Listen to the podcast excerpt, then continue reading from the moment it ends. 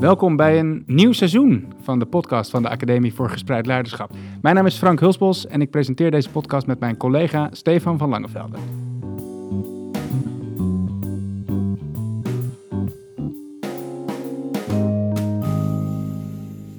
Stefan, we gaan het vandaag hebben over een hele interessante en spannende vraag. Namelijk de vraag: hoe kun je het leiderschap van leraren in de school stimuleren? Ja, klopt. Ehm, je ziet op heel veel scholen hè, dat uh, schoolleiders en leraren moeite doen om leraren in positie te brengen en invloed te gunnen op onderwerpen rondom de verbetering, vernieuwing van het onderwijs, maar soms ook op onderwerpen rondom de ontwikkeling van de school als organisatie. En wat we heel vaak zien is dat leraren daar formeel voor worden erkend. Bijvoorbeeld ze krijgen bijvoorbeeld een functie of een positie toegekend van waaruit ze invloed kunnen uitoefenen in een school. En we gaan ons vandaag afvragen of dat de manier is om het leiderschap van leraren te stimuleren, of dat er ook andere meer zeg maar, emergente vormen van teacher leadership, uh, ook een bekende term, uh, mogelijk zijn. Ja, en daarvoor hebben we een leuke gast ja. ook. Een ervaringsdeskundige zou je kunnen zeggen. Ja, Bob Stel, die, uh, die schuift aan. Welkom, Bob. Ja, dank jullie wel. Ja, leuk. We, we zijn hier bij Academie 10, de school waar je nu werkt. En uh, nou, we gaan zo meteen je verder introduceren en uh, erover in gesprek. Ja. En we hebben eerst natuurlijk nog wat, uh, wat mededelingen die, uh, die we graag uh, willen doornemen. Want ja, het is eigenlijk de eerste podcast nu van, van het nieuwe jaar. En um, nou, het bevalt goed, kunnen we denk ik wel zeggen. Om zo ja, podcast, zeker. Ja. En we hebben ook een paar hele leuke podcasts al op de rol staan, zou je mooi kunnen En um, nou, het is wel leuk om die even te introduceren. de eerste is eigenlijk... Met Stefan Gijsberts. Hij is een directeur in, in het primair onderwijs bij uh, Prico. Dat is een vereniging voor basisscholen in de buurt van Hogeveen. En um, hij houdt zich ook nadrukkelijk bezig met hoe emancipeer je nou eigenlijk leerkrachten om zich ook wel een beetje los te weken van de dogma's in het onderwijs. Je, ja, je kunt eigenlijk zien hoe kun je leerkrachten meer, ja, toch ook wel denk ik raak het aan het thema van vandaag, hè? leiderschap zeg maar, uh, geven, mm -hmm. laten ervaren. Uh, Frank, jij hebt net een katern geschreven voor de VO-academie over gespreid leiderschap. Klopt, ja. We hebben in opdracht van de VO-academie, uh, dus dat is een programma dat hoort bij de VO-raad, hebben we een boekje geschreven. Dat noemen ze katernen. Die komen eens in de zoveel tijd uit, een paar keer per jaar. En we hebben een katern geschreven over gespreid leiderschap. En in dat katern beschrijven we ook vier scholen die de principes van gespreid leiderschap in de praktijk proberen te brengen. Waaronder X11, ja. nou die ken je natuurlijk ook, hè Bob? Ja, zusterschool van ons. Zusterschool van, die ook binnen jullie zelfde ja. school, scholenbestuur zit. Uh, Nuovo. Ja, klopt. Uh, X11 is een school in Utrecht ook, net als Academie 10 waar jij werkt. En um, uh, de collega's van X11, die, drie daarvan, onder andere de directeur en twee docenten, gaan wij spreken tijdens het VO-congres op 26 maart. Ook weer georganiseerd door de VO-raad. Tijdens dat VO-congres wordt het katern gepresenteerd, is de launch van het katern. En interviewen we dus de collega's van X11 rondom de ervaringen die zij in hun school hebben met het toepassen van gespreid leiderschap. Ja, dus een school leuk. waar eigenlijk helemaal geen leidinggevende lagen zijn, formeel dan, behalve de directeur. Dus je hebt de directeur en de docenten. Ja. Nou, dus daar is heel veel uh, chaos, denken mensen dan dat daar dan ontstaat. Maar eigenlijk doen ze het heel goed met elkaar afgestemd en werken ze ontzettend goed samen aan de verbetering en vernieuwing van het onderwijs. Nou, ja. Hun gaan we tijdens het VO-congres spreken. Ja, en het leuke is dat we dat, die, dat interview, dat nemen we direct ter plekke op. En dat wordt ook de podcast. Juist. Dus uh, het wordt onze Precies. allereerste ervaring met het live opnemen van de podcast met publiek. Ja. Dus uh, er wordt ook ruimte voor het publiek om vragen te stellen. Dus dat is ook een leuk experiment uh, voor ons. Dus mocht ja. je op het van plan zijn om naar het VO-congres te komen op 26 maart, schuif dan vooral aan bij de live opname van onze podcast met de collega's van Ikzelf. Ja. ja, verder hebben we nog uh, een filosoof. Het is ook een hele interessante uh, nieuwe inslag, zou je kunnen zeggen. Uh, Aldo Houteman. hij heeft ook al een hoofdstuk geschreven in ons boek toen. En we gaan, het leek ons ook zeker waard om hem uit te nodigen om, om in een podcast. Hij heeft een boek geschreven dat heet Wij zijn ons lichaam. Maar het meest interessante daarvoor rondom gespreid leiderschap is eigenlijk wat hij betoogt is dat uh, we ook naar ons lichaam kijken als zijnde dat het hoofd het commandocentrum is van het hele lichaam en dat aanstuurt. Nou, het raakvlak is eigenlijk hoe we naar organisaties kijken, dat er één centraal commandocentrum moet zijn, het managementteam of de directeur, die de rest aanstuurt. Nou, met gespreid leiderschap denken we natuurlijk dat dat niet altijd bevorderlijk is voor verbetering en vernieuwing. Dus het is heel interessant om met een uh, filosofie eigenlijk eens over in gesprek te gaan. Uh, en tot slot hebben we ook een, ja, recent eigenlijk eh, zijn we een boek op het spoor gekomen. eh, Die eigenlijk al best wel lang bestaat. Volgens mij is die uit 2006. Dus in die zin- 2005 dacht ik. Oh, 2005. Maar goed. Ja. Ja. Starfish and the Spider heet het. En eigenlijk zou je kunnen zeggen wat ze daar opschrijven is gespreid leiderschap. Maar dan op een hele mooie, leuke, toegankelijke manier toegelicht met een heel beeldend, dus de Starfish eh, en de Spider zeg maar als twee beelden om de verschillen tussen een meer hiërarchisch georganiseerde organisatie en een meer gespreid leiderschap georganiseerde organisatie eigenlijk toe te lichten. Dus heel leuk om eh, dat boekje eigenlijk ook weer, weer eens eh, erbij te pakken en Ja. te bespreken. Ja. En de starfish is dus het organisme dat als je er een stukje van afhaakt, blijft gewoon leven. Regenereert hij zichzelf ook wel weer. Ja, Ja. ja. klopt. Ja, wat dan symbool staat Ja. voor de leiderloze Ah, organisatie. Ehm, althans, dat betogen Ja. zij. Ja, ja Ehm, precies. Ja, een van de leuke dingen die zij ook zeggen. die om- weerbaarder en Ja, veerkrachtig is. van, eh, een van de vragen die, ze, die je kunt stellen over je eigen organisatie is... eh, als je het eh, op zijn kop gaat staan, gaat hij dan dood? Ja. Als Ja, dat zo is, dan heb je een... Als je hem op zijn kop slaat. Ja, gaat hij dan dood? Ja, als dat zo is, dan is het niet goed. Nee, dat is niet goed. Ja. Ik heb trouwens heel, heel even, en dan gaan we echt naar Bob. Ehm, eh, ik heb die vragen heel, de laatste tijd, naar, naar aanleiding van het boek, steeds vaker voorgelegd aan schoolleiders en docenten. Van wat gebeurt er als je bij jullie in de organisatie de top eh, verwijdert of de, de, hè, de, de, de organisatie op zijn hoofd slaat? en bijna altijd zeggen mensen: van ja, dan hebben we toch wel eigenlijk een serieus probleem. Ja? Ja. Ja. Dus ehm, de afhankelijkheid van toch nog de formele leiding aan de top, althans daar wijst dit mini-onderzoekje van mij dan een beetje op, is toch nog wel groot op veel scholen. Klaarblijkelijk. ja, en dat is dus ook kwetsbaar. Dus dat is een van de stellingen. Van, wi- wil je dat? Wat zou jij antwoorden op die vraag, Bob, als je het zou moeten zeggen over jouw school, Academie 10 in Utrecht? Als we sinds onze dit- rector verwijderen. als we de ben top, benieuwd wat als hij ervan vindt als als we we de, dat als we als we de top van jouw school slaan? Eh, nou, dan denk ik dat we nog best wel een heel eind gaan komen. Ja, Ja, het denk ik wel vol. Ja, ja dat denk ik wel. Ja. ja, dat betekent wel dat mensen zich moeten gaan verdiepen in andere materie. Maar ja, kijk, in principe moet- zou dat moeten betekenen dat niemand eh, onmisbaar is en iedereen vervangbaar is. En als je op die manier een organisatie indeelt, wat volgens mij we wel proberen te doen, eh, denk ik dat, dat je dat heel goed zou moeten kunnen Ja, opvangen. Ja. Ja, Ja. precies. Ja, dat is natuurlijk het leuke van zo'n vraag. Het nodigt uit om te denken in termen van wanneer ben je zeg maar, robuust als organisatie. Dat wil natuurlijk niet Ja. zeggen dat de rector geen bestaansrecht heeft, helemaal niet. Maar ben je niet op een gegeven moment te kwetsbaar als natuurlijk zaken te veel bij één persoon liggen. Want Ja. als die persoon dan om wat voor reden dan ook uit de organisatie uitgaat, dan verlaat er ook wel veel de organisatie. Veel kennis, ervaring. Of, eh, ja. Goed, nou nogmaals welkom Bob. Ja, En nu gaan Jullie we ook? Nu gaan we er echt, Ja. dankjewel. Ja, Ja. k- kun je eh, de, luisteraar kort even vertellen waar we zitten nu? Want we horen misschien op de achtergrond af en toe wat vrolijk gekwetter van leerlingen op de gang. Ja, nee, ja, dat zijn leerlingen op de gang. Heeft. Ja, we zitten hier eh, in, een, in een tijdelijk gebouw van Academie 10. Eh, want wij zijn een school die, die eigenlijk doorontwikkeld is vanuit MAVO 10. Dat is een school die nu vijf jaar bestaat, dat ik het uit mijn hoofd zeg. Maar MAVO 10 bestaat eigenlijk niet meer. Dat is eh, sinds dit het tweede jaar Academie 10. En Academie 10 is een, een eh, MAVO, HAVO, VWO school. eh, die ehm, nu in een tijdelijk gebouw zit in eh Leidse Rijn, een wijk van Utrecht. Omdat we nog even moeten wachten op ons nieuwe gebouw. Nou, we zitten bovenin. En als wij vanuit ons raam kijken, dan zien we de paté staan. En daarnaast komt ons uh, nieuwe gebouw van acht verdiepingen hoog. Uh, maar ja, daar zijn we nog niet. Dus we zitten op dit moment nog in een gebouw dat over twee jaar uit elkaar geschroefd wordt en, uh, weggezet wordt. Het ziet er nu nog uit als een, uh, een modderige bouwval. Ja, ja. ja. als, als, biolo als, bioloog zou ik zeggen een pioniers-ecosysteem inderdaad. Waarin alles zich maar nog kan ontwikkelen. Die prachtige gebouw, daar komt straks een heel mooi uh, gebouw, ja. Waar jullie dan dus per wanneer intrek nemen? Uh, de bedoeling is februari 2022. Oké. Okay. Maar ja, uh, even afhankelijk van, uh, van hoe dat loopt. Ja. Hey Bob, jij bent biologie-docent ja. en natuur- en techniek-docent. Ja, klopt. Dat ben je sinds dit schooljaar bij Academie 10. Bij Academie 10 ben je ook onderwijsmaker. We gaan zo ja. meteen het uitgebreid hebben over wat dat precies betekent. Uh, maar tot vorig jaar heb je bij het Vatters College gewerkt, ja. hè? ook als biologiedocent. Ja. ja. En daar was je ook leerjaarcoördinator. Ja. Um, voor de mensen die dat leuk vinden, die zouden uh, de podcast die we hebben opgenomen met Jasmijn Kester nog eens terug kunnen luisteren. Zij was, of is dat nu nog steeds? Is dat nu nog steeds, tijd, maar nog een maandje. Ja, ja rector van het Vatters College en ook dus rector toen jij daar werkte. Hè? Klopt. Ja. Dus jij hebt eigenlijk in allerlei ja, vormen en dus ook binnen verschillende scholen ervaring opgedaan met dat vraagstuk wat bij ons vandaag centraal staat. Hè? Hoe stimuleer je nou dat leiderschap van leraren?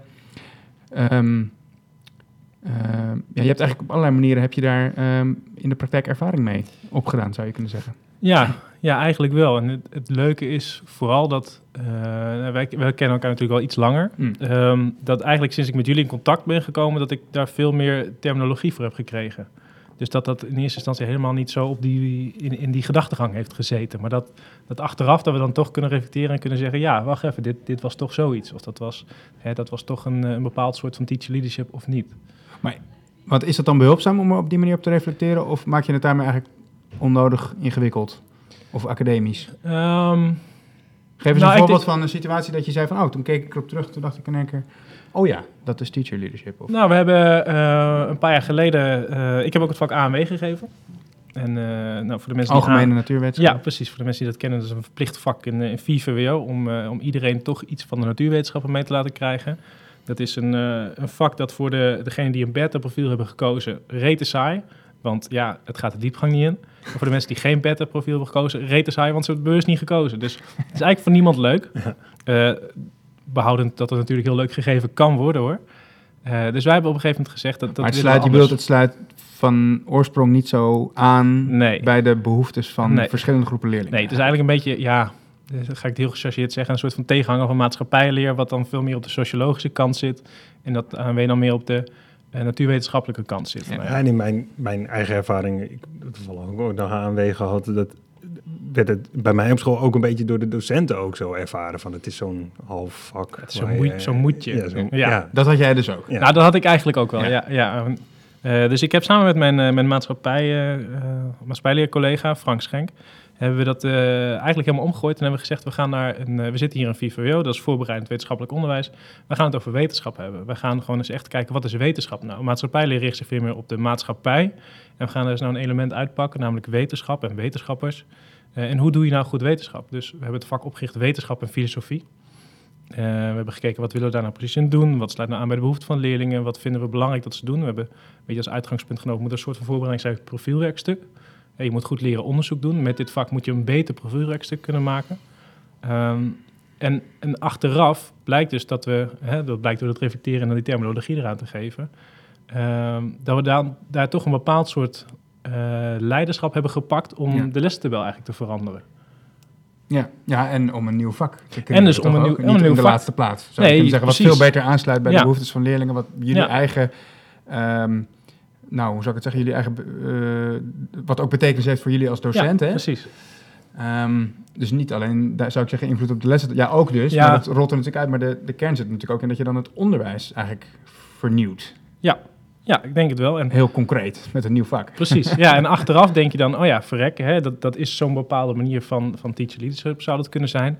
Eh, maar dat is natuurlijk nooit de insteek geweest waarmee we zoiets zouden doen. Nee, precies. Dus dan, dan kom je achteraf in de- op die termen en dan denk je, ja, dat sluit best wel aan. Maar ik vind het wel een mooi voorbeeld, want ehm, ik zei bij het begin van de podcast, zei ik van, op heel veel scholen zie je dat ehm, ehm, schoolleiders en leraren pogingen doen om dat leiderschap van leraren te Mhm. versterken door leraren een specifieke rol of functie te geven. Ja.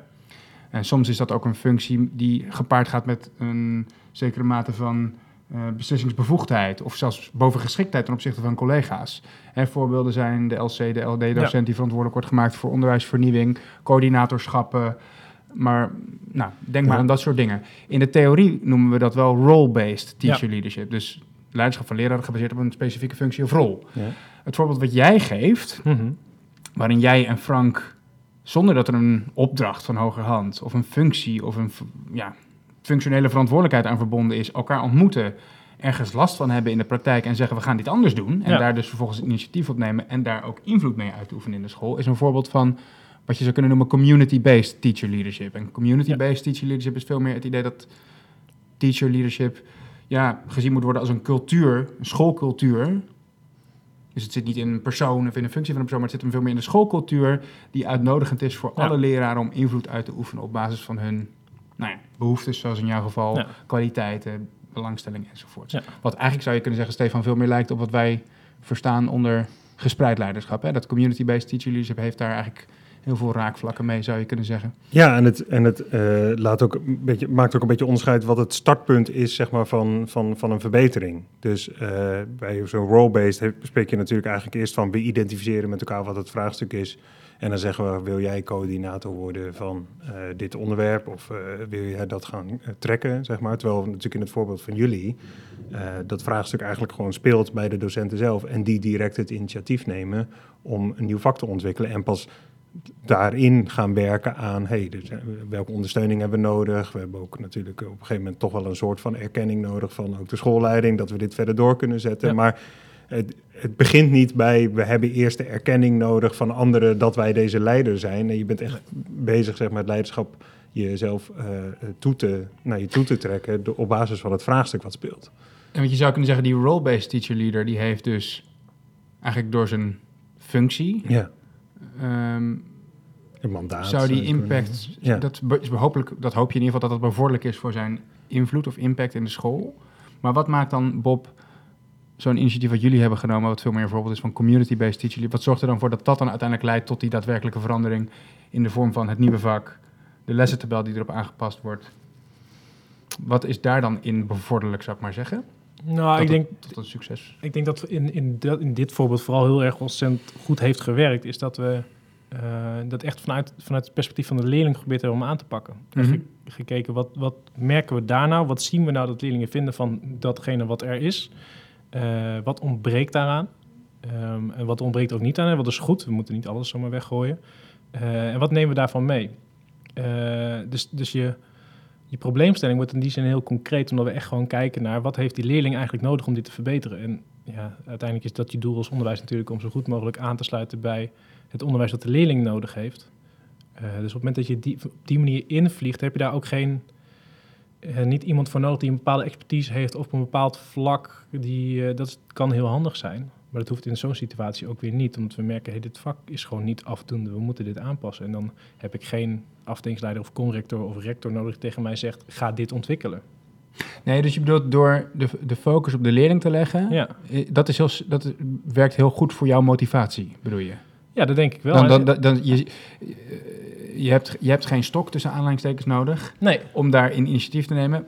eh, Want het, het feit dat jij ziet bij je leerlingen dat het niet gaat zoals het zou moeten, is al voldoende motivatie en vo- voldoende, geeft al voldoende betekenis aan zo'n initiatief om ermee denk ik- bezig te blijven. Precies, dat denk ik wel. En ik denk ook dat je ehm, in dat geval ook een heel sterk vertrekpunt hebt, ook richting degene die je echt nodig hebt. Kijk, uiteindelijk wil ik dat vak om, hè, wil ik dat vak omdraaien, wil ik een ander vak van maken, dan heb ik uiteindelijk toch wel eh, het MT nodig, heb ik de MR nodig. Eh, want Oh, zo ver ging het? Tot ja, de dat- MR? Ja, je- kijk, wil, wil je, een- wil je een, een vak schrappen, een verplicht vak schrappen en daar een ander vak van maken, dan heb je de MR nodig voor je lessentabel.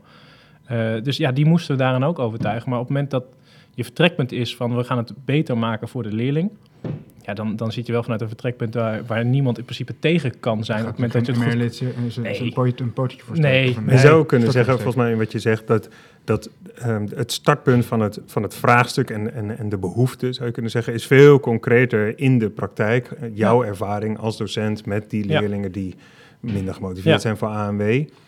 Terwijl natuurlijk andere vraagstukken vaak misschien een meer abstracte aanleiding kunnen hebben. Eh, Dat kan natuurlijk ook zijn krimp van een school, hè, de cijfers lopen terug. Of we zien dat eh, het VWO-onderwijs eh, niet de resultaten boekt die we zouden willen. Dat zijn Ja, vaak ja. veel meer abstractere en die nodigen dan uit om eerst dus eigenlijk onderzoek te gaan doen naar wa- wat speelt eigenlijk met dit vraagstuk. En jullie startpunt was, we zien, we zien het. We ervaren het da- dagelijks met de leerlingen, zeg maar. Ja, en, en daardoor is het ook veel meer een proces dat je dan in eigen hand hebt. In plaats van dat er iemand die van buitenaf het proces wil aansturen, die dan bepaalde informatie heeft vanuit zijn onderzoek. Ja, Dus ik heb geen, geen, geen teamleider die in een MT heeft gezeten dat gezegd heeft, we moeten nu echt aan de slag met verbetering van het wetenschappelijk onderwijs op onze VWO-lijn. Dus ja, denk eens na wat je met ANW wil doen. ja dus dat, je, dat, je, dat jij het dan eerst had voorgelegd aan een teamleider die dan eigenlijk helemaal niet die ervaring heeft. Nee. Maar die het dan, ja, een soort van, ik moet dat zeggen, ambassadeur zou moeten Ja. worden daarvan. Terwijl die eigenlijk helemaal niet zelf Ja. zicht en heeft op die praktijk ervan. Ja, dat denk ik.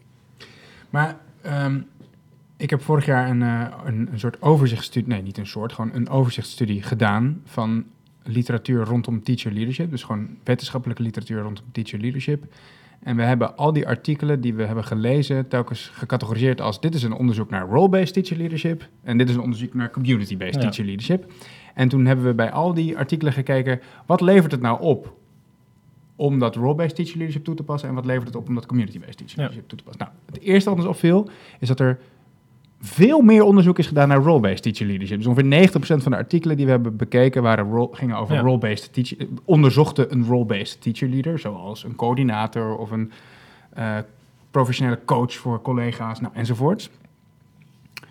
Ehm, veel minder deden dus onderzoek naar vormen van community-based teacher leadership. Ehm, maar wat, wat ik echt interessant vond, was dat eh, de opbrengsten van role-based teacher leadership zitten hem vooral in het leren van de role-based teacher leader zelf. Dus het is super leerzaam voor de, voor de leraar die een specifieke functie krijgt, waar een vorm van leiderschap Ja. aan verbonden zit. Omdat hij met allerlei nieuwe vraagstukken te maken krijgt en eh, nieuwe ervaringen opdoet en daar dus ook heel veel van leert. Ehm, maar dat de impact binnen de school eigenlijk vrij klein is. ja. Dus eh, effect op collega's eh, is er soms nog wel, maar ook al veel minder dan effect op de Ja. role-based teacher leadership. Effect op echt grote verbeteringen en vernieuwingen in de school is in veel minder gevallen zelfs nog het geval. Terwijl dat community-based teacher leadership, hoewel er weinig dus onderzoek naar gedaan is, eh, juist laat zien dat dat bijdraagt Ja. aan meer radicale verbetering en vernieuwing van het onderwijs. Ja, ja. Je Is, herken je dat? Want jij hebt natuurlijk ook, eh, je hebt eigenlijk ook vormen van role-based teacher leadership ja, ja, ook, ja. ge- Ja. gepraktiseerd. Ja, nou ja, w- wat je kunt voor, tenminste wat, wat ik me zo zou kunnen voorstellen, is dat op het moment dat je zo'n community-based teacher leadership traject eigenlijk ingaat, want dat, dat hebben wij dan gedaan met dat vak wetenschap en filosofie, eh, kun je natuurlijk ook dat heel, kan dat heel snel door een, door een management ook worden omgezet in een, in een role-based, door te zeggen, oké, prima, maar dan word jij dus nu coördinator van eh, eh, wetenschapsoriëntatie, het VWO, ik noem maar wat. Ja. Nou, en, da- en dan verlies je dus eigenlijk al die community-based en dan word je al in een role, role-based Maar zou dat, een zou dat dan een probleem zijn als dat zou gebeuren? Ehm, nou nee, dat, ik denk niet dat dat hoeft. Op het moment, stel dat dat in ons geval zou zijn gebeurd, op dat moment dan is je vertrekpunt is nog steeds anders. Want dan uiteindelijk hebben wij in principe vanuit het praktijkveld zelf, als ik dat dan maar zo mag zeggen, eh, een bepaald probleem Geïdentificeerd. ja, precies. En daarmee aan de slag gegaan. Op het moment dat je het omdraait en dat je zegt, hè, vanuit het MT, wij willen een, eh, eh, de wetenschapsoriëntatie verbeteren. Dus wij gaan daar een coördinator voor maken en eh, dan, dan is je vertrekpunt anders. Dus eh wat jij Ja. ook zei, eh, waar je je, eh, je probleem eigenlijk vandaan haalt en waar je dus die, je analyses doet, dat bepaalt voor een heel groot deel toch de richting die je, die je uiteindelijk opgaat. En dus misschien ook wel eh, de vorm van teacher leadership die je dus dan eigenlijk krijgt.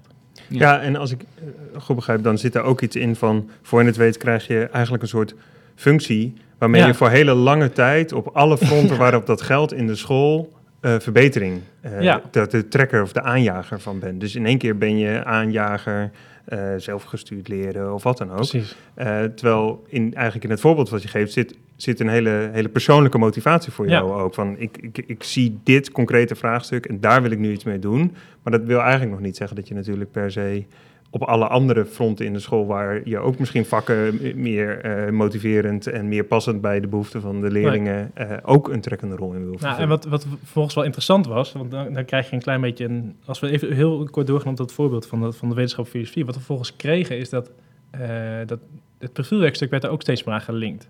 Ehm, en daar wilden we ook een doorontwikkeling maken. Dan hadden we een profielwerkstukcoördinator, maar die, die, had, die had weinig tijd voor de hoeveelheid werk die dat was. Hè. Dus een heel ander probleem natuurlijk weer.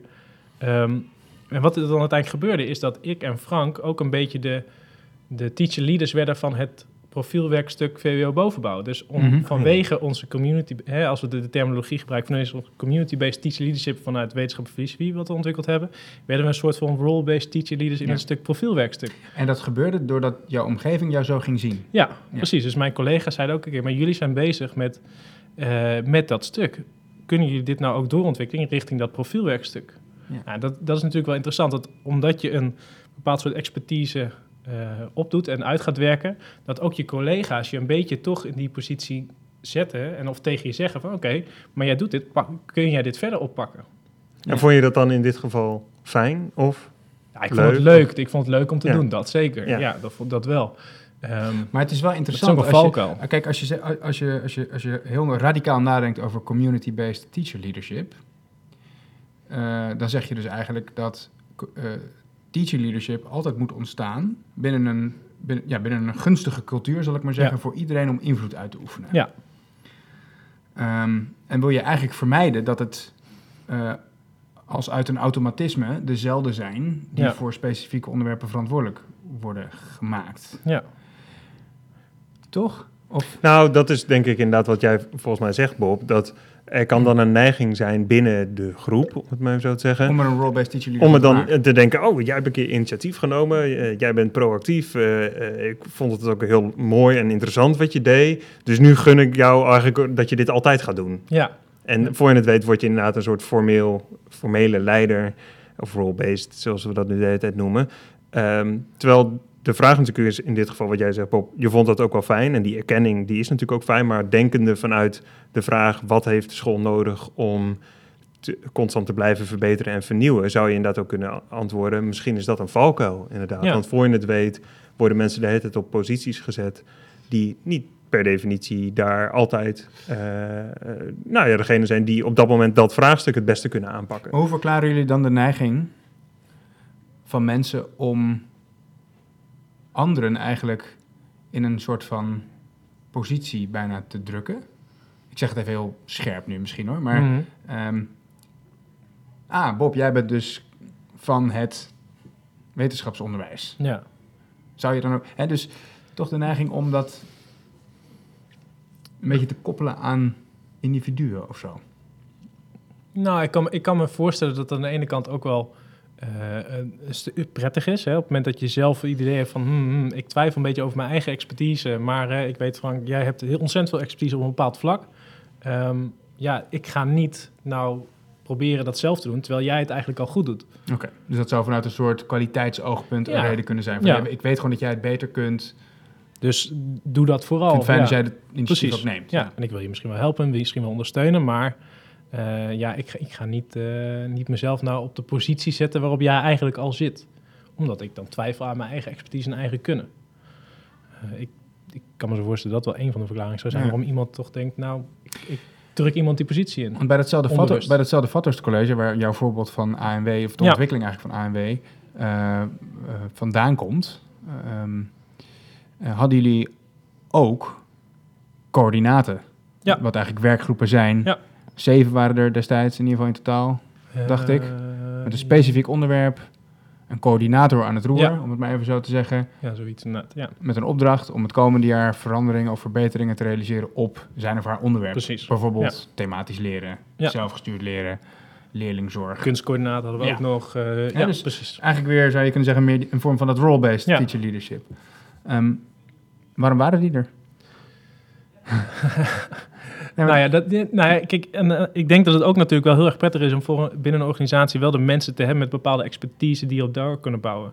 Als we ehm, elk jaar alles op een hoopje gooien en het begin van het jaar zeggen, nou, wie heeft er dit jaar zin in? ja. Dan, dan ja, kun je, nou ja, ik weet niet of je dan elk jaar opnieuw begint, maar ik denk wel dat je heel veel kennis weer kwijtraakt. Dus het is ook natuurlijk wel heel erg fijn om bepaalde expertise om door te kunnen bouwen.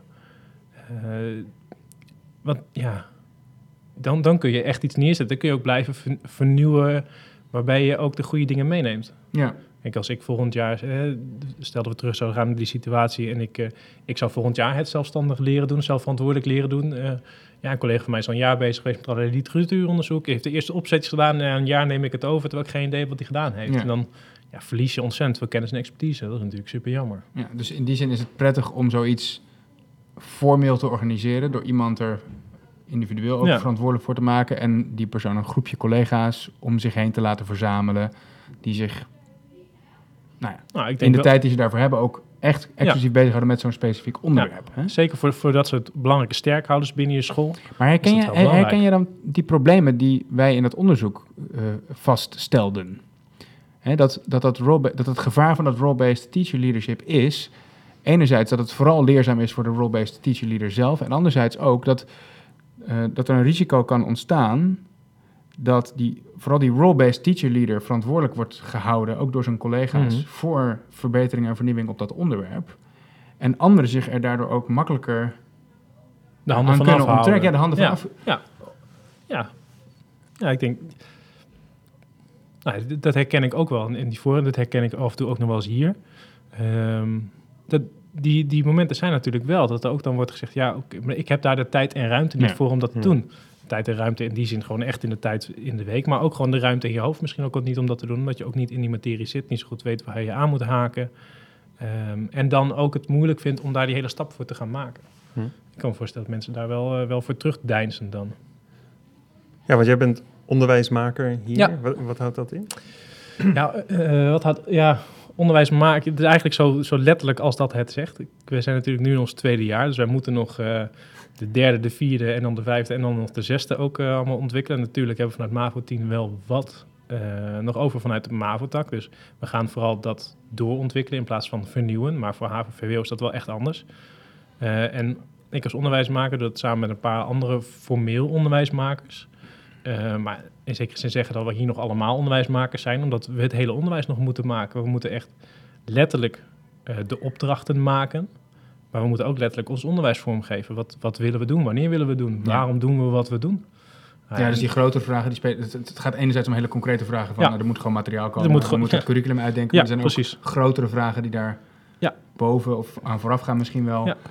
Wat voor school zijn wij? Hoe doen Precies. wij? Hoe, En- hoe- en- hoe en geven we ons Hoe onderwijs zorgen we dat die motivatie van leerlingen hoog blijft? We Ja. proberen vanuit verwondering te werken. Dus, dus we proberen zoveel mogelijk grote vragen centraal te hebben staan.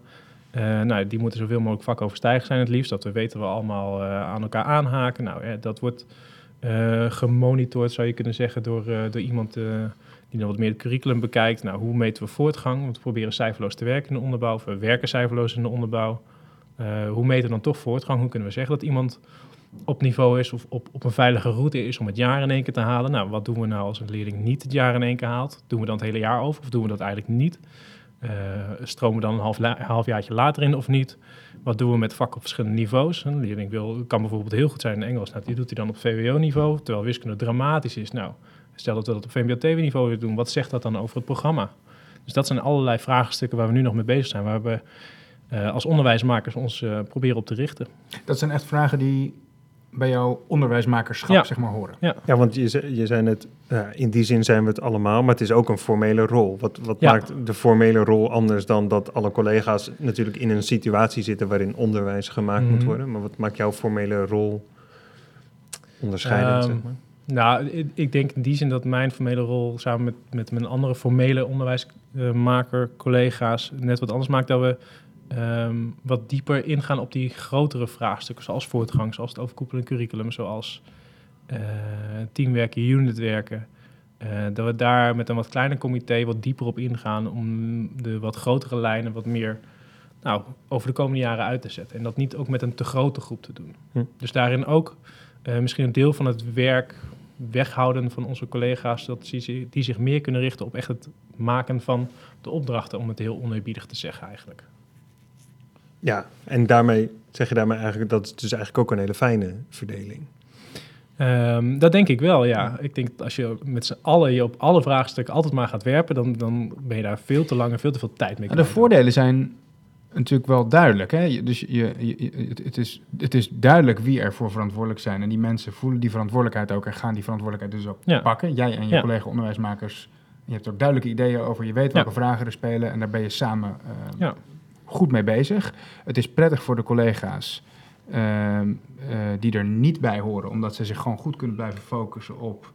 eh, nou, gewoon de hectiek van, de alle, hè, van, Ja. van, van vandaag. Ja, en tegelijkertijd sluiten we ze ook niet, niet buiten, zeg Ja. maar. Het, het zijn wel allerlei eh, vraagstukken die we in alle openheid ook Maar- met het, met Ja, het team maar zij bespreken. weten dat de ontwikkeling op dit soort vragen eh, in goede handen is bij jullie onderwijsmakers. Dat, dat denk Dat- ik wel dat, ze dat- weten. ik hoop dat ze dat zo voelen. dat is in ieder geval de denk bedoeling. ik Dat is de wel. bedoeling in ieder geval ja, precies. Ja, maar dit, dit zijn wel allerlei dingen die ook echt wel met het team besproken Maar het, is- worden. het is ook wel goed om even vast te stellen dat, dat eh, misschien heb ik die indruk eerder in het gesprek gewekt hoor, dat ik tegen role-based teacher leadership ben of zo. Dat is absoluut niet het geval. Ehm, ik, ik kan me heel goed voorstellen inderdaad dat, het, dat, dat zo'n Mhm. praktijk zoals jij die nu omschrijft, dat die heel, heel belangrijk is. Ook zeker in een school die in ontwikkeling is. En dat, Ja. er moeten gewoon Ja. eh, jaren, hè, er, moet er, gewoon- er moet gewoon curriculum gemaakt worden. een materiaal ontwikkeld. Er moeten vragen beantwoord Tuurlijk. worden over hoe doen wij het hier straks. Ehm, ehm, alleen die studie die we deden liet zien, en dat zie je natuurlijk ook op heel veel plekken. Het is niet Mhm. alleen maar die studie, maar dat zie je natuurlijk ook op heel veel plekken in scholen. Dat, er, dat het risico op de loer ligt dat, dat die Ja. groepen eh, los van elkaar komen staan. Dus dan vraag ik me af, ehm, zijn er omstandigheden waarbinnen dat role-based teacher leadership uitstekend kan werken zonder dat het community-based teacher leadership Mhm. frustreert? Ehm, en welke zijn dat dan? Ja. Of als je echt community-based teacher leadership zou willen, moet je dan gewoon radicaal eh, afstand nemen van ehm, het formeel erkennen van role-based teacher leaders. Dat vraag ik me echt af. Ik Ja. weet het antwoord ook niet. Maar Nou, ik kan me zo voorstellen dat op het moment dat je eh, daar echt radicaal van afstapt en dat je zegt we gaan dat niet meer formaliseren. ja, stel je voor dat je dat zou Ja, doen. stel dat- Eh, geen onderwijsmakers, Nee. geen leerjaarcoördinatoren, Niks- geen niks- coördinatoren. Nee, precies. Je hebt helemaal niemand voor de rest die, eh, die in het formeel ergens... eh, ik denk dat je dan toch uiteindelijk wel mensen hebt die zich op bepaalde expertise gaan werpen. En dus ook daarin gestimuleerd en gesteund worden door het team. Dus dan, dan maak je dat niet formeel, maar dan ben je informeel binnen je team dat toch, toch ook alweer. En of je het dan formeel of informeel doet. Kijk, Hmm. als, als ik in een groep van tien zit en tien zeggen tegen mij... Bob, jij weet heel veel van voortgang, jij richt je op voortgang... zonder dat ik daar dan de titel eh voortgangcoördinator voor krijg. Maar negen tegen, zeggen tegen mij, jij bent het voor ons wel... dan ben ik het misschien informeel, maar tegelijkertijd formeel natuurlijk ook wel weer. Dus in die, Ja. in die zin is dat is ook een terminologie die door elkaar heen kan lopen. Ja, ja en ik, ik kan, Klopt. Ik denk dat het ook wel te maken heeft met de route, zeg maar, van waar je die rol toebedeeld krijgt. Dat, Ja. eh, Daar hadden we het natuurlijk eigenlijk eerder ook al over. Maar als de route is, je wordt eh, coördinator van iets omdat je eigenlijk als team met elkaar erkent, er, er, Ja. er, er moet onderwijs ontwikkeld worden hier, of eh, dit is het vraagstuk wat voorhanden ligt, daar willen we iets op. En nou, er is een collega die daar in het bijzonder iets in kan doen. Dan kan het inderdaad fijn om met elkaar te zeggen, jij bent hier nu even van. Voor zolang je- als dat nodig is. En misschien is dat wel gewoon twee, drie jaar. Ja, dus dat je collega's, dat de collega's iemand uit hun midden kiezen eigenlijk om zo'n rol op zich te nemen. ja, Bedoel je? Ja. Ja, Ja. en dan, dan, wat je dan in stand houdt is een soort, ja, je zou kunnen zeggen, een soort actief volgerschap. Je collega's die blijven dan geïnteresseerd in dat wat je aan het doen bent, want ze hebben allemaal zoiets van, ja, dit is inderdaad een vraagstuk eh, waar, we, waar we benieuwd zijn naar wat je te Ja. zeggen hebt. En ik kan me voorstellen dat dat bij, in jouw rol als onderwijsmaker dat ook nog zo is. Die collega's die geen onderwijsmaker zijn, zullen waarschijnlijk nog steeds wel geïnteresseerd zijn Ja, in zeker. die grotere Ja. vraagstukken die je noemt. Ja. Ja.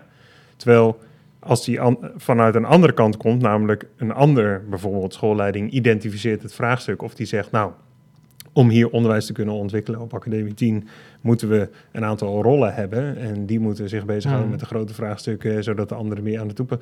Dan, dan hebben natuurlijk mensen het niet zelf verzonnen en dan krijg je eigenlijk gewoon een onderwijsmaker waar je het maar mee moet doen. Om het even een beetje... Nou, kijk, en dat is natuurlijk in de praktijk wel in het begin van het jaar gebeurd. Ja, Want eh, ik ben vanuit het Vatos College gekomen, hier als onderwijsmaker. Ja, jij was collega niet, ook. de, de collega's hadden niet eens de kans om jou te kiezen, want ze kenden je toen nog niet. Je bent echt Nee, nee, ik, ik heb een pitch gegeven voor drie van mijn collega's. En die hebben toen wel gezegd, nou vooruit. ja. Ja, Eh, oké, oké. Maar eh, ja... in- Dat wel, dus je bent wel echt Ik, nou in, mijn sollicitatieprocedure heb ik ook een aantal, voor een aantal collega's wat, wat moeten vertellen wat ze had moeten overtuigen. Nou, dat is gelukkig denk ik wel gelukt. Ehm, maar ja, ja, in zekere zin wel. Ja, dus ik ben er wel op die manier zo ingezet. En hoe, je daar, hoe we daar als team uiteindelijk daarvoor aan geven, eh, als team onderwijsmakers, maar überhaupt ook als, als team Academie 10, is natuurlijk super interessant. En dat bepaalt uiteindelijk of zo'n rol dan ja, een formele role-based is omdat het MT dat mij neer heeft gezet op die positie, of dat het een role-based is omdat het team ook ziet dat dat... Ja, dus een- dan zou je eigenlijk kunnen is. zeggen, je kunt wanneer zo'n persoon kan het, als hij zo'n rol op zo'n manier invult, dat het eigenlijk meer de kenmerken gaat Ja. krijgen van community-based. Maar dat komt denk ik waarschijnlijk omdat in dat wat jij doet, collega's op een gegeven moment zien van, oh ja, eh, ik gun jou deze rol ook wel, want ik zie dat jij echt met hele goede, Ja. interessante ideeën komt. Maar dat is wel dus afhankelijk van of jou dat op dat moment lukt of niet. Ja. Dat, dat, volgens mij is dat een beetje de verkenning die we doen inderdaad. Dat het, het gaat niet om de een of de ander beter is, maar het, het heeft bepaalde valkuilen. En dat is natuurlijk de valkuil bij de role-based. Dat als het niet de juiste persoon op de juiste plek is, of die niet een, een stijl hanteert, of Ja. eh, op zo'n manier in contact is met collega's, dat zij denken, dit, die, deze persoon die, eh, eh, die heeft iets interessants in te brengen hier. En ik ben nieuwsgierig. Dan heeft het een risico dat het eigenlijk alleen maar leerzaam is voor die ene persoon. En de collega's denken, nou ja, ik hoor maar zo af en toe wat van hem. En, Maar wat merkte jij dan in het begin van het jaar? Je zei net van, nou, dat was in het begin van het jaar ook wel een beetje het geval. En hoe hebben jullie dat dan weten te keren? Want Stefan zegt Ehm. eigenlijk van, het gaat er dus eigenlijk ook een beetje om hoe je je rol als role-based teacher Ja. invult.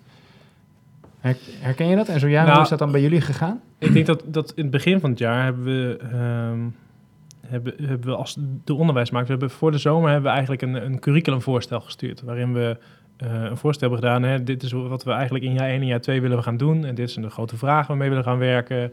Ehm, en dat, dat was iets wat we redelijk vast hadden gezet. Hè, dit zijn gewoon de dingen waar we mee aan de slag gaan. Binnen secties ga je dit verder ontwikkelen. Dus ehm, ja, dat gaan we doen. Uh, maar de, vervolgens de uitwerking, en, en dat was echt puur alleen het curriculum, maar vervolgens de uitwerking, hoe gaan we aan de slag met de leerlingen, hoe gaan we dit overbrengen, uh, wat voor voortgang hoort daar dan bij, hoe gaan we dat dan meten, dat is iets wat we gaandeweg met het team echt gedaan hebben. Dus Mhm. we hebben eigenlijk de, de inhoud een beetje gegeven, Uh, niet dat die in beton gegoten stond, maar wel gewoon gezegd, dit is ons vertrekpunt. En, en, en, en toch even een concreet beeld te krijgen. Ja. Wat is dan het precieze vertrekpunt wat gegeven is op dat moment? Dus wat krijg ik als collega te horen van, nou, dit is wel een beetje binnen welke kaders we gaan werken? Wat eigenlijk concreet gegeven was, is, uh, of was eigenlijk dus, uh, deze periode gaan we dit onderwerp behandelen voor dit vak. Ja, oké. Okay. Meer eigenlijk dus de, de leerdoelen die we hebben per, per periode. Dat was gegeven en daar, nou ja, meer hadden we ook gewoon niet. Dus vanaf dat oh, dat was dus eigenlijk nog best wel ruime kaders. Zou ik, ja, als collega ja. die dat dan hoort, zou, zou ik kunnen zeggen, oh, nou, dan heb ik nog best wel veel ruimte ja. om... Ja, je eigen materiaal daaraan voor te geven en, uh, en daar je in je eigen werk ook met leerlingen in te gaan. Uh, en gaandeweg hebben we met z'n allen gekeken, oké, okay, maar wat zijn we nou allemaal aan het doen? Um, wat overlapt eigenlijk? En wat doen we echt anders? En wat we dan anders doen, is dat dan erg? Uh, en wat we anders doen, wat merken leerlingen hier nou anders van? Leerlingen vinden natuurlijk ook weer van alles van. Die hebben vorig jaar met een bepaald systeem gewerkt. Dat is dit jaar helemaal anders. Dus onze leerlingen in jaar twee, die hebben nu in twee jaar academie 10 eigenlijk twee verschillende systemen gehad waarmee ze gewerkt hebben. Ja, dus die, zijn, die waren ook zoekende in het begin. Die vonden het eigenlijk heel vervelend als ze weer een nieuw systeem krijgen. Die begrepen het ook niet zo goed. Nou, dat, dat was ook natuurlijk een uitwerking. Hoe gaan we dat doen? Dus op het moment dat wij allemaal onze eigen inhoud vormgeven... en we missen eigenlijk een soort van gemeenschappelijke basis... merkten we ook wel dat leerlingen daar, daar toch wel tegenaan liepen. Ja. Dus op dat moment moeten we ook als team eigenlijk op zoek naar... naar wat is nou onze common ground? Vanaf waar vertrekken we met z'n allen? Um, en als je dan zegt als team bedoel je als, als heel volledige... Ja, als heel onderbouwd team. Precies. team, okay, ja. En op dat moment is mijn uh, rol als onderwijsmaker veel meer gericht op... Uh, of niet, niet in die, in die role-based. Dat, dat gaat niet over, nou, jij bent onderwijsmaker, jij hebt dit gedaan, vertel eens hoe we, hoe we dat moeten gaan doen. Maar ben ik onderdeel van het team met dat vraagstuk. Ja. Maar dat, dat eigenlijk, zoals je het dan nu omschrijft, betekent dat dus dat het, uh, zeg maar, het, het, het, het, het buiten de deur houden van de risico's van role-based teacher leadership, Mhm. vraagt dus iets van jouw rolinvulling, rolopvatting als role-based teacher leader. Ik zeg heel vaak rol vandaag, maar goed, Ja. dat moeten de, de luisteraars ons maar even vergeten. Maar het vraagt dus ook om een bepaalde manier van ontvangen en meedoen en actief volgerschap, wat Stefan net al zei, van de collega's. De collega's moeten Ja. op zo'n moment, zo- zo'n kwestie die jij nu omschrijft, Ja, er zijn twee systemen. Leer je één, leer je twee is anders. Leerlingen hebben daar last van. ja, Ehm, dat moet je samen oplossen. ja. Dat, dat- ja. dus, dus op dat moment moeten de niet-onderwijsmakers, collega's, ook belangstelling hebben en Ja. zin hebben om hier aan... Hè, dat Ja. klopt toch? Ja, dat, dat is dan eigenlijk ook een Ja. voorwaarde om die... Want Ja. anders kun je alsnog de situatie krijgen dat jullie als Precies, dat tegen, onderwijsmakers... dat tegen ons wordt gezegd. maar het maar jullie, jullie, jullie regelen toch in principe dan dit verhaal. Ja. Doe dat maar. En ja, wij maken ons materiaal wel, maar volgens mij is dit jullie pakje Jan. Nou ja, en, en zo wordt het gelukkig ook niet gevoeld binnen het team. Het voelt wel echt Waarom wordt dat niet zo gevoeld? Heb je daar dan? Ehm, nou, ik denk aan de ene kant omdat eh, wij ons ook niet op die manier neerzetten. Ik zet mezelf ook niet neer als, wacht even, dit, dit, dit is mijn probleem, ik moet hiermee aan de slag. Eh, dus ik, ik stap daar ook niet in zo'n zo'n bepaalde rol. Of ik zeg daar ook niet, nou, ik ben de onderwijsmaker, dus ik moet daar iets van vinden. Ehm, aan de ene kant. En ik denk aan de andere kant dat, dat we ook wel een team hebben dat daarin heel erg betrokken is. Kijk, uiteindelijk is het natuurlijk ook wel een school die in ontwikkeling is. Dus we trekken ook heel veel mensen aan die dat Ja. juist ook wel heel erg interessant vinden. En die zich daar dan ook heel graag eigenlijk tegenaan bemoeien. Ja, misschien is wat ik nu ga zeggen, is denk ik een beetje wat jij nu ook bedoelt. Als ik hier binnenkom, dan eh, merk je sowieso dat er iets gaande is binnen deze school. Dus het is, Ja. het is interessant en spannend, er gebeurt wat. Maar je merkt inderdaad ook dat mensen heel eh, alert zijn eh, op wat er in de school gebeurt. Dus Ja. ik word door meerdere mensen word ik gegroet Ja. en aangekeken. En er is interesse in mij als Ja. alien, zal ik maar zeggen, die hier door de school gaat. Hè? Een onbekend. Ja, En ik loop ook heel vaak scholen binnen dat ik bij wijze van spreken de hele school door kan lopen en niemand die mij opmerkt, Nee. weet je wel? Dus er zit ook iets van een, eh, nou ja, daar, daar maak ik dan toch een beetje uit op dat er een soort gezamenlijk gevoel zit van wij Ja. zijn deze school. ah, dat, dat is wij, zeker wel- zo. wij heten jou welkom, Ja. we vinden het leuk dat je er bent. Ja. Kan ik je ergens mee helpen? Wie zoek je? Hè, dat, Ja, dus dan zou je, met, dat is dus cultuur. ja. En eigenlijk zou, dan zou je kunnen zeggen in de woorden die we nu natuurlijk de hele tijd gebruiken, er zit al een heel erg community idee. Van we, we erkennen zeg maar de gezamenlijkheid en het belang dat we hier met elkaar aan deze school moeten bouwen en werken. En dat, dan is het fijn Ja. om daar natuurlijk ook een bepaalde ordening in aan te brengen. Dus door wel bepaalde mensen bepaalde rollen te geven, zodat je daarmee Mhm. ook wel een beetje ordening, zeg maar, hebt. Want ik merk ook inderdaad op allerlei scholen waar ik kom, dat, dat, dat, dat mensen kunnen ook de neiging hebben om te denken, nou, jij bent nu teamleider. Eh, mooi, dan kun je nu gewoon een beetje de problemen waar ik mee zit eh, oplossen. Dus Ja. die, dat het, dat ondanks dat die teamleider misschien, wat jij zegt, Bob, in zijn eigen rol heel erg open probeert te zijn. eh, Wordt dat gewoon niet geaccepteerd? nou, hebben, hebben collega's zo, kijken collega's gewoon zo niet Ja, naar die persoon. precies, Ze hebben ja. gewoon zoiets van: jij bent de teamleider. Dus ik heb, deze beelden heb ik daarbij bij die rol. Als er, weet ik veel, Ja. een kind in mijn klas zit die ik eh, eruit stuur, dan moet hij maar naar die teamleider toe. En dan is hij daarmee ook het probleem van de teamleider. En hoef ik er op dit moment ook echt eh, helemaal niks meer mee. Die dat gewoon helemaal niet zo zien als van: nee, maar we zijn nog steeds gezamenlijk verantwoordelijk hiervoor. Ja. En in zo'n situatie kan ik me dan voorstellen dat ja, dan is role-based teacher leadership zeg maar echt een risico. Want dan zien mensen het ook als, oké, mooi, eh, jij bent nu onderwijsmaker, eh, hoef ik me niet meer eh, bezig te houden met deze vragen. Ja. Ik eh, hoor wel eh, wat ik moet doen, bij wijze van spreken. Dan wel, als ik hoor wat ik moet doen en ik ben het er niet mee eens, dan vind ik er ook wat van en dan heb ik er ook we, stellen dus eigenlijk in dit gesprek vast dat eh, mensen die in organisaties, in schoolorganisaties werken, de neiging kunnen hebben om ehm, verantwoordelijkheden en expertises en ehm, bepaalde initiatieven functioneel te willen beleggen bij Mhm. individuen. Ja. Dat dat helemaal niet raar is per se. Nee. Dat dat Soms namelijk ook heel, over, heel, is. overzi- heel overzichtgevend kan zijn. Eh, er ook voor zorgt dat je goed weet van, oké, dat is de persoon bij wie ik moet zijn als ik een vraag hierover heb. Dat je ook weet dat er een zekere continuïteit in Ja. je ontwikkelingen zit. Maar dat het grote risico ervan is dat er een soort scheiding ontstaat van de wereld tussen- de Ja. role-based teacher leader en de niet-role-based teacher leader. En dat je dat, die, die risico's eigenlijk kunt vermijden door ja, je, je, als role-based teacher Ja. leader heel open en samenwerkend op te stellen, maar dat het dus ook iets vraagt van de collega's die dat Ja, initiatief ja denk ontvangen. het wel. Ja. Hey, en ik zou nog wel één, ding met jou willen bespreken. Want wij hebben natuurlijk eerder in deze podcastserie hebben wij jouw oud-rector gesproken. Ja, We noemden klopt, er ja. al wel even kort, hè, Jasmijn Ja. Kester bij het Vathorst College. En eh, zij vertelde toen heel mooi over eh, het VWO-team. Dus voor de luisteraar die het interessant Mhm. vindt om dat nog even terug te luisteren, kan die het eh, gesprek met Jasmijn nog eens terugluisteren. Maar over het VWO-team, wat destijds eh, tegenvallende resultaten had, maar binnen een hele Ja. korte tijd eigenlijk de resultaten weer op had weten te krikken ja, klopt. eh, naar een supergoed niveau. En jij zat in dat VWO-team. Ja, ja, dat klopt. Ja. Dus ja. het is ook wel leuk om dat nog even kort Ja, zeker. eh, onder de aandacht te brengen. Van, eh, ja, jij was eigenlijk, zou je kunnen zeggen, een van de... ja, degene waar... Jij was de leerjaarcoördinator Nee, ook toen nog van dat niet. team? Eh, to- Dat jij nog, eh zeg ik Of was je eerst nog gewoon docent? Ja, ik was eh, op dat moment. dat gaat natuurlijk een beetje over, over het tijdspad-verhaal. Eh, ehm, de inspectie kwam op een gegeven moment inderdaad langs. Die zei, nou, het VWO, die zei wel meer, maar die zei onder andere: het VWO-onderwijs moet echt beter. Nou, dat, dat klopt ook wel, dat hebben we ook wel gekend. Dat heeft Jasmijn volgens mij in de podcast ook verteld. Dat we toen door de hele school zijn gaan kijken hoe gaan we dat beter doen.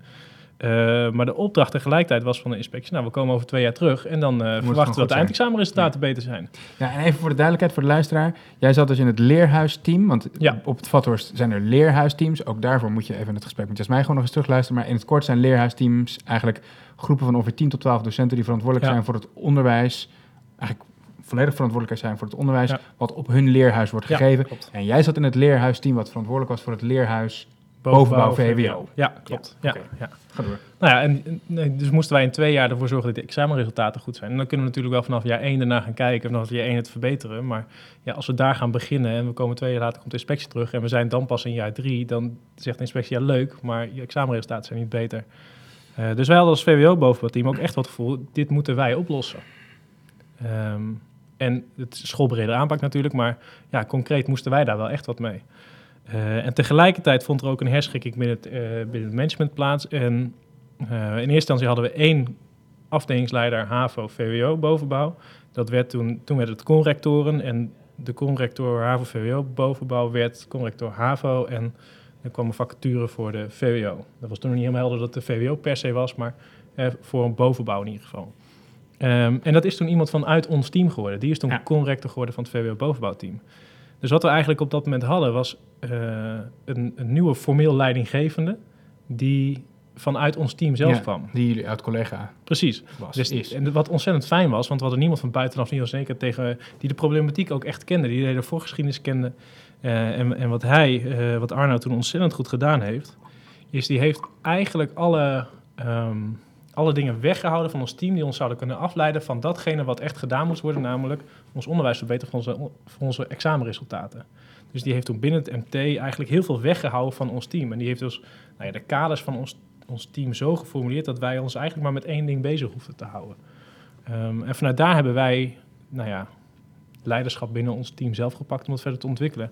En zijn wij ook heel snel in een soort van, nou ja, dat juist voor mij toen ook al, in een voorloperspositie in een zelfsturend team gekomen, omdat wij die ruimte ook echt gepakt hebben en gevoeld hebben.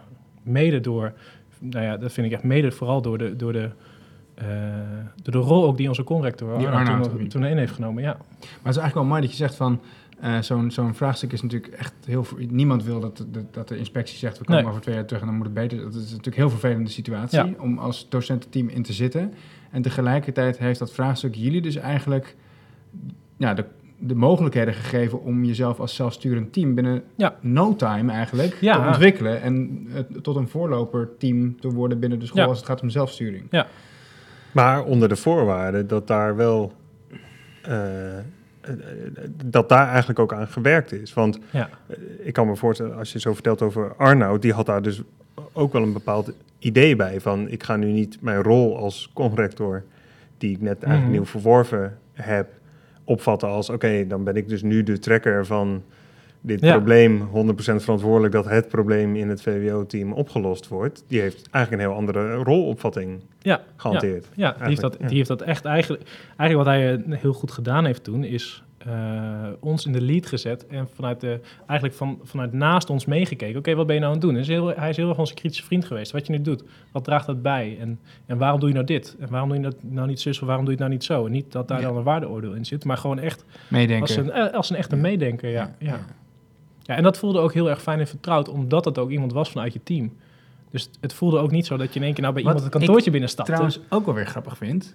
Want wat je ook heel vaak hoort, is op het moment dat een collega Mhm. een leidinggevende functie krijgt binnen het onderwijs, dan raakt hij zijn contact kwijt Ja. met die oud-collega's. Ja. Juist omdat hij niet meer ehm, ja, Een van, Een van de collega's een van is, eh, hij, ja. doet de, hij of zij doet de gelijkheidsnorm, Mhm. die er volgens mij nog steeds best wel in veel scholen is, eh, geweld aan, omdat Ja. hij zijn kop boven het maaiveld uitsteekt. Maar dat was bij jullie dus helemaal niet het geval. Jullie zagen Arnoud gewoon nog als Arnoud. Ja, En zeker omdat maar het is hij... heel grappig dat je dat zegt. Hij heeft in het begin, dat, hij vond dat enorm moeilijk. Hij heeft het ook wel gezegd. Ik vind dat Hij was ook wel een beetje bang voor dat... Wat voor, ik, dat, voor, datgene die wat ik net afstand. omschrijf. Ja, ja, en dat waren wij eigenlijk ook. Dus omdat we dat uitspraken tegen elkaar, zijn we er altijd heel bewust over geweest. En, Ja. en is dat eigenlijk nooit een issue geweest. En natuurlijk zijn er momenten dat, eh, eh, dat wij dingen tegen hem zeiden waar hij niks over kon zeggen vanuit zijn leidinggevende positie als MT'er. Dat er bepaalde informatie was. En die zeiden, ja, sorry, hier ga ik me niet in mengen. En dat, dat is dan ook oké. Dat, dat was ook totaal geen issue. Maar misschien is dat wel een van de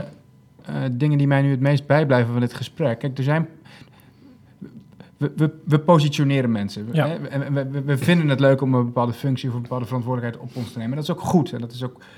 Maar wees er dus wel van, je er uitermate bewust van wat dat kan betekenen voor je samenwerking met Ja. collega's en voor het, ehm, voor het initiatief wat bij anderen eh, Ja. wel of niet ontstaat. Ja. Hè? Dus, en daar ook wel gewoon af en toe open het gesprek over voeren, zoals jullie Precies. als onderwijsmakers doen met jullie collega's als zich zo'n vraagstuk voordoet over leerjaar 1 en leerjaar 2. En zoals jullie met Arnoud hebben gedaan bij het Vatters College. Dat is misschien wel een van de sleutels, Stefan, denk je niet? Om, eh, Ja, nou ja, de en valkuilen ook, te want dat neem ik ook mee. Dat, dat, dus dat, dat, dat die keuze zeg maar, voor mensen te positioneren gepaard gaat binnen de cultuur die er heerst. Dus als er een hele samenwerkende cultuur is, zeg maar, en, eh, eh, en de relaties zijn goed, zou je het kunnen zeggen, dan, ehm, dan, dan werkt het eigenlijk, kan het heel goed werken om mensen op die manier te positioneren. Ehm, terwijl, ja, wanneer dat minder aanwezig is, dan zou het frustrerend kunnen werken, die posities. Of dan kun je in die valkuilen stappen. En wat dat denk ik interessant maakt, is dat, dat zie ik ook wel veel gebeuren bij scholen, dat natuurlijk gewoon heel vaak de neiging, zeg maar, een soort van reflex zou je het kunnen noemen, is van scholen om dus heel erg te gaan zitten op wanneer er zich iets voordoet, moeten we eh, bepaalde mensen daarvoor in die positie zetten. En dat dat dan ook nog eens heel vaak de schoolleiding is Ja. die daarvoor verantwoordelijk is om dat te doen. Dus die moet de juiste mensen op de juiste plek zetten. En ehm, nou ja, we hebben het natuurlijk over gespreid leiderschap en over hoe zou je dat kunnen stimuleren. Dan daar hoort dus ook de vraag bij: welke cultuur heerst er op dit moment Hmm. in de school? En past dat wel bij dit? Want als je dus iemand in positie bent, kun je het leiderschap van anderen frustreren. Of kunnen ze in een meer passieve houding komen en denken, nou oké, blijkbaar is die persoon hier nu van, dus hoef ik er niks meer over te zeggen.